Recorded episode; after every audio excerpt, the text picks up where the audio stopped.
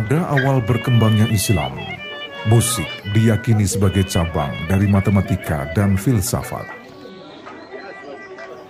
Itu yang menyebabkan banyak di antara para matematikawan dan filsuf muslim terkemuka menyumbangkan pemikirannya pada seni musik. Salah satu di antaranya adalah Al-Kindi ia menulis sekitar 15 kitab tentang musik, namun yang masih tersisa tinggal lima. Al-Kindi adalah orang pertama yang menyebut kata musiki.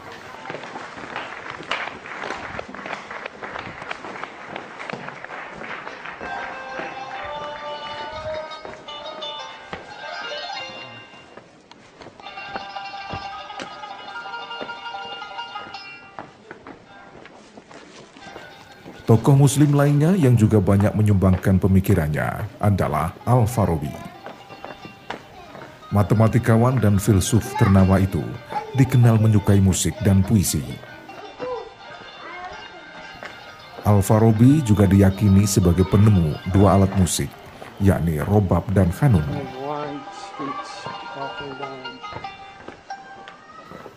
Ia menulis sekitar lima kitab tentang musik, Salah satu kitab musiknya yang populer adalah Kitabu Al-Musika Al-Kabir atau The Great Book of Music yang berisi teori-teori musik dalam pandangan agama Islam.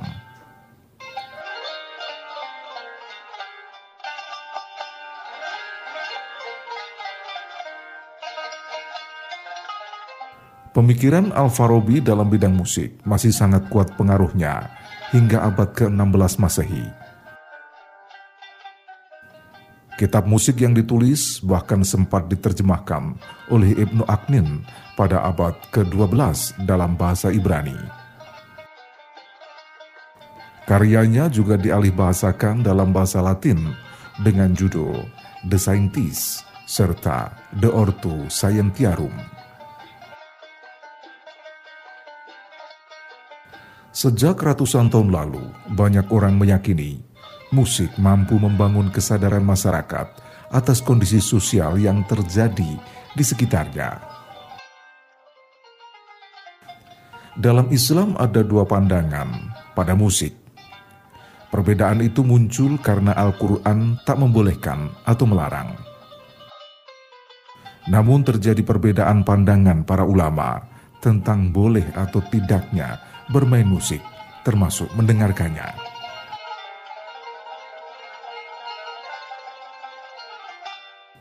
Imam Saukani dalam kitabnya Nailur Autar menyatakan, para ulama berselisih pendapat tentang hukum menyanyi dan alat musik.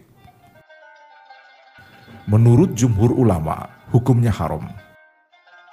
Sedangkan mazhab Ahl al-Madinah, Az-Zahiriyah, dan Jamaah Sufiyah membolehkan. Al-Mansur Al-Baghdadi yang bermasab Syafi'i menyatakan, Abdullah bin Ja'far berpendapat, menyanyi dan musik itu tidak menjadi masalah. Bahkan dia sendiri pernah menciptakan lagu untuk dinyanyikan pada para pelayan perempuan dengan iringan alat musik seperti rebab. Peristiwa itu terjadi pada masa Khalifah Ali bin Abi Thalib radhiyallahu anhu.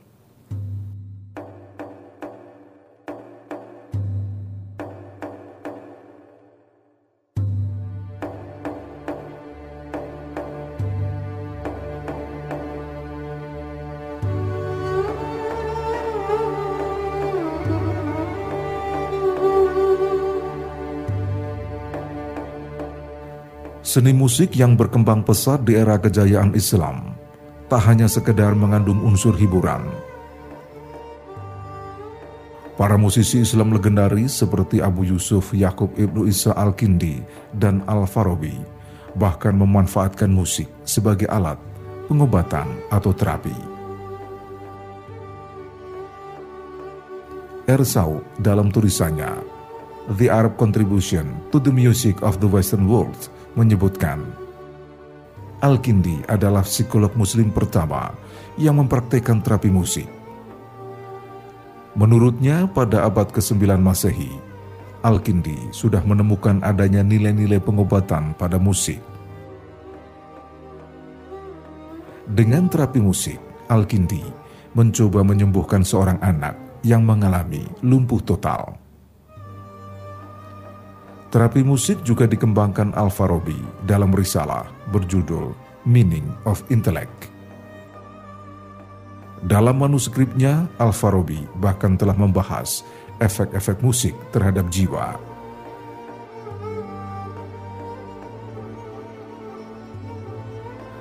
Terapi musik berkembang semakin pesat di dunia Islam pada era kekhalifahan Turki Utsmani Profesor Nilsari, sejarawan kedokteran Islam dari Fakultas Kedokteran University Cerah Pasa Istanbul, mengungkapkan gagasan dan pemikiran yang dicetuskan ilmuwan muslim seperti Al-Razi, Al-Farabi, dan Ibnu Sina tentang musik sebagai alat terapi telah dikembangkan para ilmuwan di zaman kejayaan Turki Utsmani. Misalnya, Grefek Sade, Suuri, Ali Ufkri, Kantemiroglu, serta Hasim Bey. Para ilmuwan Turki Utsmani sangat tertarik mengembangkan efek musik pada pikiran dan badan manusia. Tak heran jika Abbas Fesim dan Gefrik Sade mengusulkan agar musik dimasukkan dalam pendidikan kedokteran. Keduanya berpendapat dokter yang baik harus melalui latihan musik. Usulan itu akhirnya diterapkan pada sejumlah universitas hingga akhir abad pertengahan. Sekolah kedokteran waktu itu mengajarkan musik serta aritmatika, geometri, dan astronomi kepada para mahasiswa.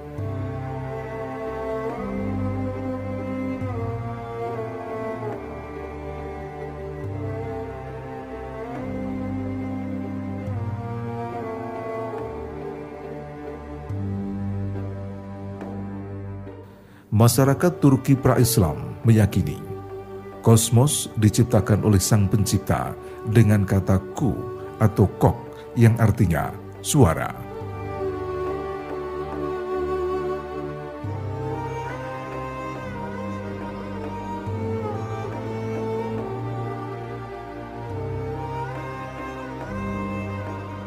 Menurut Islam, seperti yang tertulis dalam Al-Quran Surat Al-Baqarah ayat 117. Bismillahirrahmanirrahim.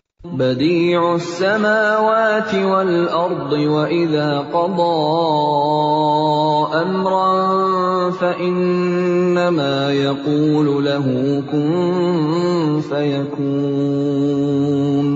Dengan nama Allah yang Maha Pengasih, Maha Penyayang. Allah pencipta langit dan bumi. Apabila dia hendak menetapkan sesuatu, dia hanya berkata kepadanya, Jadilah, maka jadilah sesuatu itu.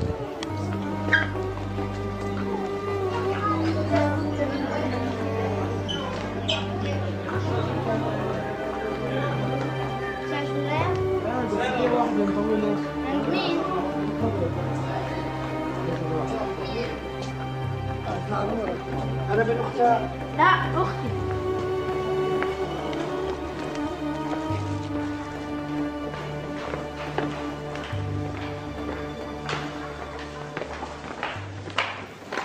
Islam berkembang di Turki, masyarakat tetap meyakini kekuatan suara. Itulah yang menyebabkan peradaban Islam di era Turki Utsmani meyakini musik bisa menjadi alat terapi yang menyeimbangkan antara badan, pikiran, dan emosi, sehingga terbentuk sebuah harmoni pada diri seseorang.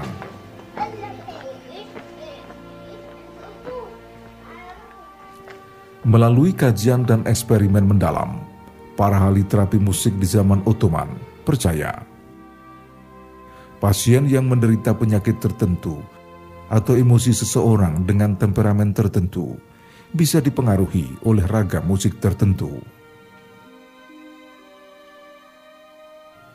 para ahli musik di era Turki Utsmani menyatakan tipe melodi tertentu memiliki kegunaan pengobatan tertentu.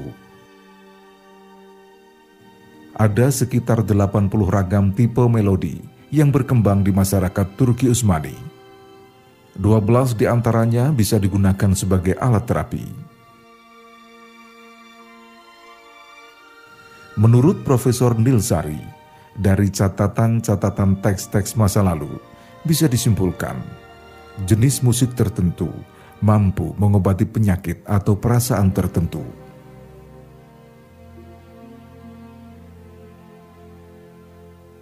Pada era kejayaan Kesultanan Turki Utsmani, terapi musik biasanya digunakan untuk beberapa tujuan. Misalnya, pengobatan kesehatan mental, perawatan penyakit organik, atau perbaikan harmoni seseorang, yakni menyeimbangkan kesehatan antara badan, pikiran, dan emosi.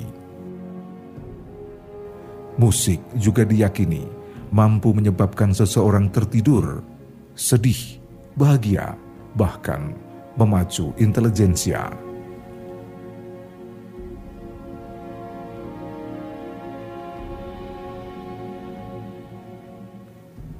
Menurut sejarawan kedokteran Islam dari Fakultas Kedokteran University Cerah Pasa Istanbul, Profesor Nilsari, para ilmuwan di era Turki Utsmani meyakini musik mempunyai kekuatan dalam proses alam berfungsi meningkatkan mood dan emosi secara keseluruhan. Bahkan para ilmuwan di era Ottoman sudah mampu menetapkan jenis musik tertentu untuk suatu penyakit.